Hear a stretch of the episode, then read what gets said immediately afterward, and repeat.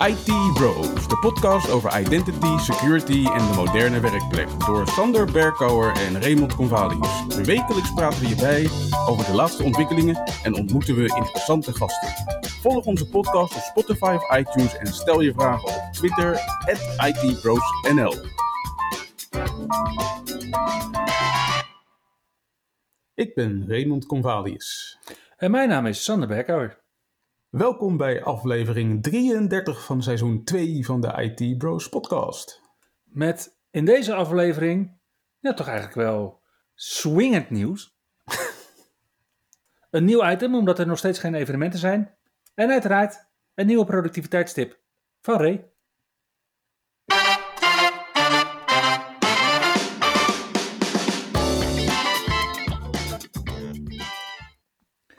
Maar zoals jullie gewend zijn, kunnen mensen die niet geïnteresseerd zijn in Windows 11 nieuws de komende twee minuten overslaan. Nou ja, afgelopen week ja, stond het weer niet stil rondom uh, Windows 11. Sowieso gonst natuurlijk het nieuws dat uh, 22H2 er dan toch echt aankomt en is de release datum soort van uitgelekt, lijkt het. Ja. 20 september schijnt het zover te zijn dat we de volgende versie van Windows 11 mogen verwelkomen. Maar tot die tijd uh, is er in de huidige versie van Windows 11 ook nog eventjes een nieuwtje terechtgekomen in de vorm van een nieuwe release preview met beeldnummer 22.000.917. En in deze beeld zit als toegevoegde feature de mogelijkheid om remote language packs toe te voegen aan Windows 11. Denk een welkome toevoeging. Mm -hmm. Daarnaast zit er een verbetering in voor uh, Microsoft Defender for Endpoint, in de zin dat die beter in staat gaat zijn om ransomware en advanced threats te ondervangen. En daarnaast zitten er uiteraard diverse fixes in deze release preview. Dus als je in de release preview channel zit, dan zit deze beeld eraan te komen of heb je hem onlangs gekregen. Ik vind het, uh, ik vind het eigenlijk wel interessant, want er is ook al een 8C-update voor Windows Server 2022. Mm -hmm. Dat is de preview update met alle nieuwigheidjes die dadelijk meeliften met de 9b updates. De Patch Tuesday van volgende maand. En daar zit bijvoorbeeld ook die betere detectie en interceptie van ransomware in Defender for Endpoint ook in. dus weet je zeker dat dit een release preview is? Nou, hij zit echt in de release preview channel. En ik denk dat het afwijkende in dit verhaal is dat zeg maar, die betere uh, Microsoft Defender voor Endpoint kan je nog zien als een security dingetje. Ja. Security enhancement of een security feature of een security bugfix, whatever you name it. Maar het remote toevoegen van language packs is toch echt een nieuwe feature. Ja. En ik denk dat ze daarom in de release preview channel hebben gestopt. Oké. Okay. En was er dan ook uh, nieuws voor Windows VNext? Ja, ja, ja, zeer zeker. Want ook in de Dev Channel hadden we een nieuwe beeld. Namelijk beeldnummer 25182. Die kwam uit op 17 augustus. En wat daarin veranderde onder andere is dat er een nieuwe expiration date in zit. Die nu vanaf nu dus 15 september 2023 is geworden. Dus waarschijnlijk rond die tijd volgend jaar kunnen we iets nieuws tegemoet zien. Ja, misschien een release preview? Wie weet. En wat er aan nieuwigheden in deze 25182 zitten, is met name dat er een update zit in de camera-app. Die schijnt vanaf nu ook de privacy shutter te herkennen. Dus op het moment dat jij zo'n schuifje hebt voor je camera op je laptop. Ja. En die zit dicht. Dan krijg je gewoon een melding in je camera-app die zegt van hm, waarschijnlijk zit je schuifje dicht. Hey, en denk jij dat hij dan ook detecteert als je schuifje maar half dicht zit? Want ik geloof dat een kwart van alle service desk calls tegenwoordig over dat soort schuifjes gaat. Geen idee, dat zullen we dan eens een keer moeten uitproberen.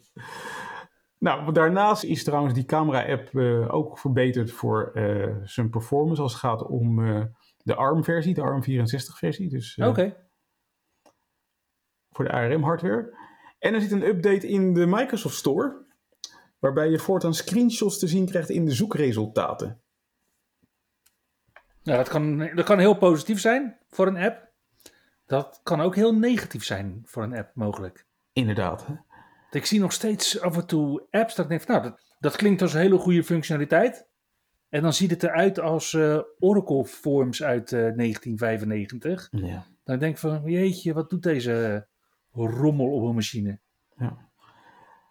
Ja, dat uh, misschien toch wel prettig, denk ik, dat je die screenshots krijgt. En er zit daarnaast nog een andere feature in, die is wel interessant voor gamers, denk ik, is dat games voortaan direct vanuit de store worden geïnstalleerd. Blijkbaar worden nu heel veel games nog zeg maar, via een soort van extra executable geïnstalleerd. Mm En dat gaat voortaan rechtstreeks vanuit de store. En dan zullen ze waarschijnlijk ook beter geüpdate worden. Die kans zit er dik in, denk ik. Hmm. Dat kan ook twee kanten op. ja. Nou ja, wat ook twee kanten op kon, en wat er helaas uh, de verkeerde kant op is gegaan, dat is uh, de update van uh, juli. 9 juli, Patch Tuesday, voor niet. Ja, want ik denk dat jij het gaat hebben over, over die Secure Boot DBX update, toch? Ja, ik ga het inderdaad daarover hebben, ja. Die is uitgebracht op 9 juli. Ja, die is wel uitgebracht op dinsdag 9 juli. Dat is inderdaad 7 B geweest. Ja. Maar die was geen onderdeel van de normale cumulative update. Die was daarnaast. Oké, dat verklaart inderdaad wel een heleboel voor mij. Dankjewel voor deze toelichting. Want in ieder geval, er is een update uitgekomen onder het KB-nummer 5012170. Mm En die bevat inderdaad een update voor uh, de Secure Boot DBX, zoals dat heet. En naar het schijnt veroorzaakt die niet altijd problemen, maar vooral wanneer je de juli-update niet hebt geïnstalleerd, waar die samen mee is uitgekomen. Ja, toen dacht jij van, dat is gek. Hij zit in die juli-update, maar je hebt er vooral last van als de juli-update niet is geïnstalleerd. Inderdaad. en als je dan hebt geïnstalleerd zonder de juli-update, dan loop je dus de kans dat bij de volgende reboot van je laptop die niet meer wil boeten, maar een uh, BitLocker recovery vraag gaat stellen. Ja, waarbij je je af kunt vragen of het de goede blauwe schermen zijn. Ja. Dat zijn niet de allerergste blauwe schermen. Nou, ik denk dat het heel vervelend is wanneer dan daarna blijkt dat je BitLocker recovery key niet kan vinden. Ja, dat is uh, inderdaad heel vervelend. Bij dit soort situaties zoek ik dan altijd een silver lining en die is er ook daadwerkelijk. Want deze update die uh, wil ook wel bij heel veel mensen hardnekkig niet installeren. Met foutmelding 0x800F0922. Ja, alleen ik vind het wel apart dat uh, dat niet willen installeren, dat wordt door Microsoft inderdaad erkend als een bug en wordt onderzocht. Mm -hmm. Het feit dat je machine reboot in de BitLocker recovery, dat heeft Microsoft nog niet erkend en ook nog niet beschreven in haar eigen knowledge base artikel. Nou, dan is er werk te doen. I guess so. En ze hebben al zoveel werk. Want als ik dan kijk naar de lijst met issues na aanleiding van de 8B-updates, dus de Patch Tuesday van augustus, dus eigenlijk van vorige week, dan zien we dat daar drie mogelijk irritante issues uh, zijn. De XPS-viewer kan bijvoorbeeld geen XPS-documenten meer openen in sommige niet-Engelse installaties. Dan zien we dat uh, er kopieën worden gemaakt van printers op sommige systemen. Mm.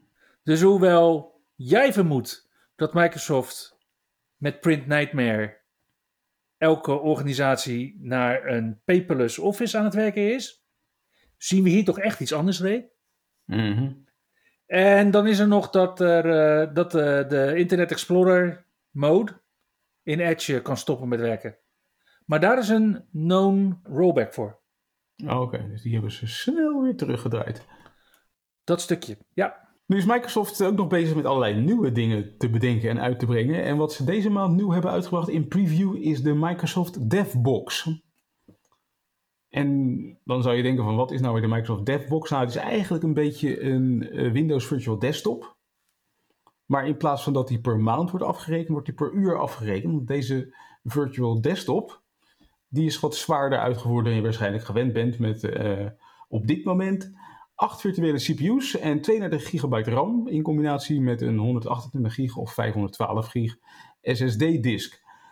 Deze Public Preview DevBox die kan je vooralsnog voor 15 uur per maand gratis uitproberen. Wat die daarna gaat kosten is mij niet helemaal bekend.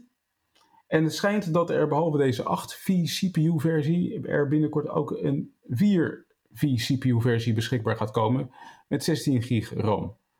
Dus uh, als je op zoek bent naar een lekkere, dikke developer machine, Microsoft heeft hem tegenwoordig ook online in de aanbieding. En omdat tegenwoordig zelfs grasmaaiers doem draaien, kan deze machine dat ook. Ik zie 15 uur. Ja, dat zijn toch wel vier vrijdagmiddagen. ja. Kan je losgaan. Yes. Apple-beheerders kunnen ook los. Want Apple heeft nieuwe versies van OS Monterey, iOS en iPadOS uitgebracht. Waarin twee actief aangevallen zero-day kwetsbaarheden worden aangepakt. OS Monterey 12.5.1, iOS 15.6.1 en iPadOS 15.6.1 adresseren kwetsbaarheden CVE 2022 32893 en dat is een remote code execution kwetsbaarheid in WebKit. En een aanvaller kan die bijvoorbeeld uh, misbruiken met een besmette advertentie. Maar als hij hem combineert met die andere kwetsbaarheid, namelijk CVE 2022 32894, dan kan hij gewoon een systeem op afstand uh, overnemen. Ja. Ja, en die eerste, die remote code execution kwetsbaarheid in WebKit, die schijnt te zijn ontdekt door een Nederlandse collega. Ah. We staan er weer goed op bij Apple. Ja, waar een klein landje groot in kan zijn. Precies. Nou ja, wat betreft uh, open deuren zag ik ook nog wel een nieuwtje voorbij komen van de week. Joomla gaat multifactor authenticatie ondersteunen. Ja, en eindelijk weten we ook wat het verschil is tussen twee-stapsverificatie en multifactor authenticatie, volgens Joomla. Oh, vertel. Nou, Joomla die ondersteunen namelijk uh, al best wel lang twee-factor authenticatie. Uh -huh. Of eigenlijk twee-stapsverificatie. Ja. Gebruiken ze een wachtwoord en daarna een, uh, nou, een OTP, bijvoorbeeld uh, in sms. Ja. En sinds Joomla 4.2 ondersteunen ze ook multifactor authentication. Dus je kunt nu ook met een YubiKey of op basis van WebAuthn of op basis van e-mail-OTP aanmelden. Dat er in die wereld nog wel wat te winnen valt, mag ook duidelijk zijn, want Joomla is wereldwijd zo'n beetje het derde CMS. Mm-hmm. Met 1,6% van alle websites. En bijvoorbeeld Wix, daar draait 2,3% van alle websites op. Die ondersteunen al wel two-factor, maar nog geen systeem-eigen multifactor authentication. En het grote sms op het web, dat zal natuurlijk geen verrassing zijn, dat is WordPress. 43% van alle websites draait WordPress. En ja, daar zelfs twee-stapsverificatie nog niet systeemeigen mogelijk. Er zijn wel plugins voor WordPress die deze functionaliteit toevoegen. Maar op het moment dat jij al bestandstoegang hebt tot WordPress bijvoorbeeld, zou je zo'n plugin ook kunnen verwijderen. Tja. Jammer.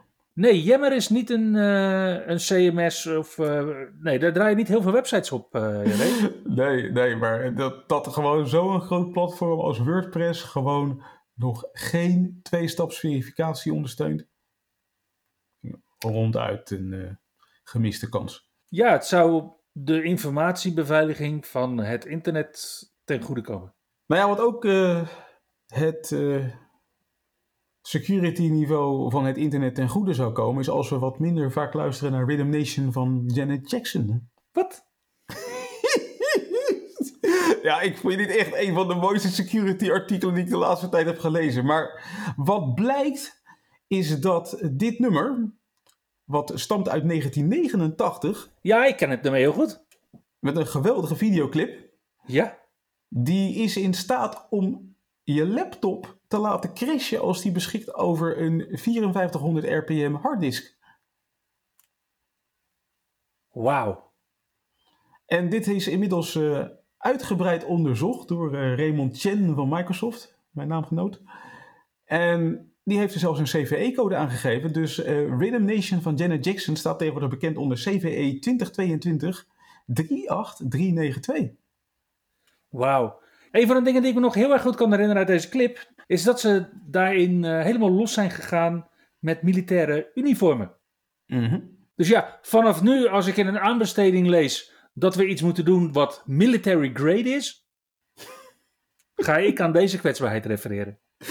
Inderdaad. We are a part of the Rhythm Nation. Absolutely.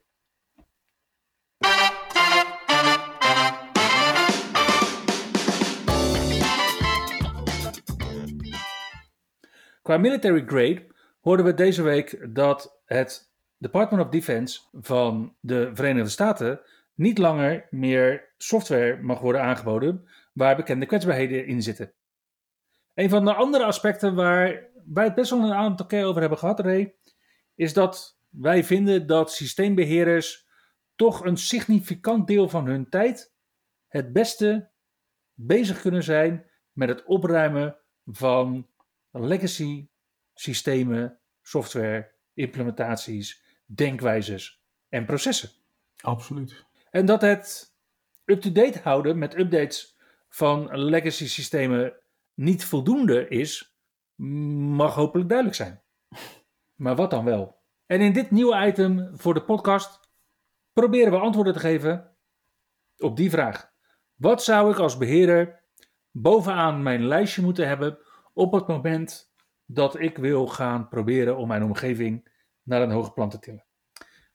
En wat we proberen in dit item is een maandje vooruit te kijken. Gewoon een maandje vooruit kijken. Wat gaat Microsoft de komende maand allemaal uitfaseren? Ons allemaal ontnemen of ons laten ontvallen. Ja. En dan begint het eigenlijk al gelijk op 26 augustus aanstaande, waarbij Microsoft aangeeft dat je de Amazon Line PowerShell module en de Azure AD PowerShell module niet langer meer ondersteund kunt gebruiken om licenties toe te wijzen. Oké. Pittig. Ja, en wat Microsoft aangeeft is uh, dat je daarvoor het beste of het portal of de Graph SDK kunt gebruiken. Ja. Ja, en op 31 augustus zit er ook weer zo'n uh, bombshell aan te komen. In de zin van dat Azure AD Connect versie 1 dan definitief de nek wordt omgedraaid. Ja. En dat je dus moet zorgen dat je voor die tijd je Azure AD Connect installatie hebt geüpgrade naar versie 2 of naar Azure AD Connect Cloud Sync. Ja. En Microsoft geeft aan dat de functionaliteit van Azure AD Connect waarschijnlijk niet direct per 31 augustus zal komen te vervallen. Maar we zien ook al hints dat bepaalde functionaliteit in AD Connect versie 1 of aan versie 1 gerelateerd toch ook echt wel komt te vervallen binnenkort. Mm -hmm. En vervolgens zien we op 13 september dat Microsoft in hun, ja, ze noemen het dan deceased browsers, dus dan hebben we het over Internet Explorer en Edge HTML, dat ze Mhm. daarin TLS 1.0 en TLS 1.1 gaan uitschakelen. En als ik kijk naar een Windows Server installatie, Windows Server 2016, Windows Server 2019, die niet in Azure draait, maar gewoon in je eigen datacenter, op je eigen virtualisatieplatform of bijvoorbeeld in AWS, dan zie ik dat TLS 1.1 en TLS 1.2 daar niet standaard op aanstaan. Nee. En ik hoop dat deze browsers daar ook niet meer op aanstaan. Ja. Ja, mocht je inderdaad nog wel gebruik maken van Internet Explorer en dan inderdaad al de vier borden hebt gemist dat Internet Explorer niet meer wordt ondersteund, dan ga je daar vanaf nu dus last van krijgen. Tenminste, dan ga je daar vanaf 13 september daadwerkelijk last van krijgen.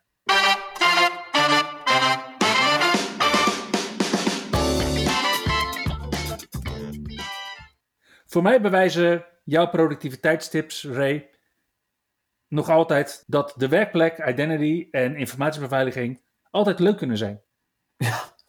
Wat is je tip voor deze week? Nou, de tip van deze week die werd me eigenlijk in de schoot geworpen. Weer door een van onze luisteraars. eh, via eh, Jen MSFT, het eh, Twitter-account van Jen Gentleman. En zij had deze week weer eentje van ik dacht van, hmm, die kende ik nog niet. En die gaat over de middelste muisknop in Edge. Ja, ho even. Daar hebben we het, weet ik veel hoeveel afleveringen geleden over gehad. Dat als je met je middelste muisklikje op een tabbladje klikt, dat die dan sluit. Bijvoorbeeld. Of als je met, met je middelste muisknop op een link klikt, dat die hem opent in een nieuw tabblad. Ja, Nou, dat zijn twee functies die ik echt nu dagelijks gebruik. Mhm. Maar het blijkt er dus nog eentje te zijn. Als je met je middelste muisknop klikt op de refresh-knop, weet je wel, die ja, ja. knop links van je, van je adresbalk, dan opent hij een duplicaat van je huidige pagina, van je huidige tabblad. Oké, dus bij printers is het een bug, maar bij tabbladen in Edge is het een feature. Ja. Oké. Ja, ik vind dit toch echt wel een hele handige. En weet je wat het is? Hè? Ik ben nu zo gewend geraakt aan die middelste muisknop, dat ik hem ook al regelmatig probeer te gebruiken in Notepad en dan werkt het niet. ja, het wordt tijd dat de Notepad MVP's uh, weer wat feedback gaan geven aan Microsoft. Duidelijk. Nou, daarmee komen we aan het einde van aflevering 33 van seizoen 2 van de IT Bros podcast. Dank jullie wel voor het luisteren en tot de volgende keer. Tot de volgende keer. Je luisterde naar IT Bros, de wekelijkse podcast over identity, security en de moderne werkplek. Abonneer je op Spotify, iTunes of Google Podcast als je de volgende aflevering niet wilt missen. Heb je hints of tips? Laat dan van je horen op Twitter. ITBrosNL.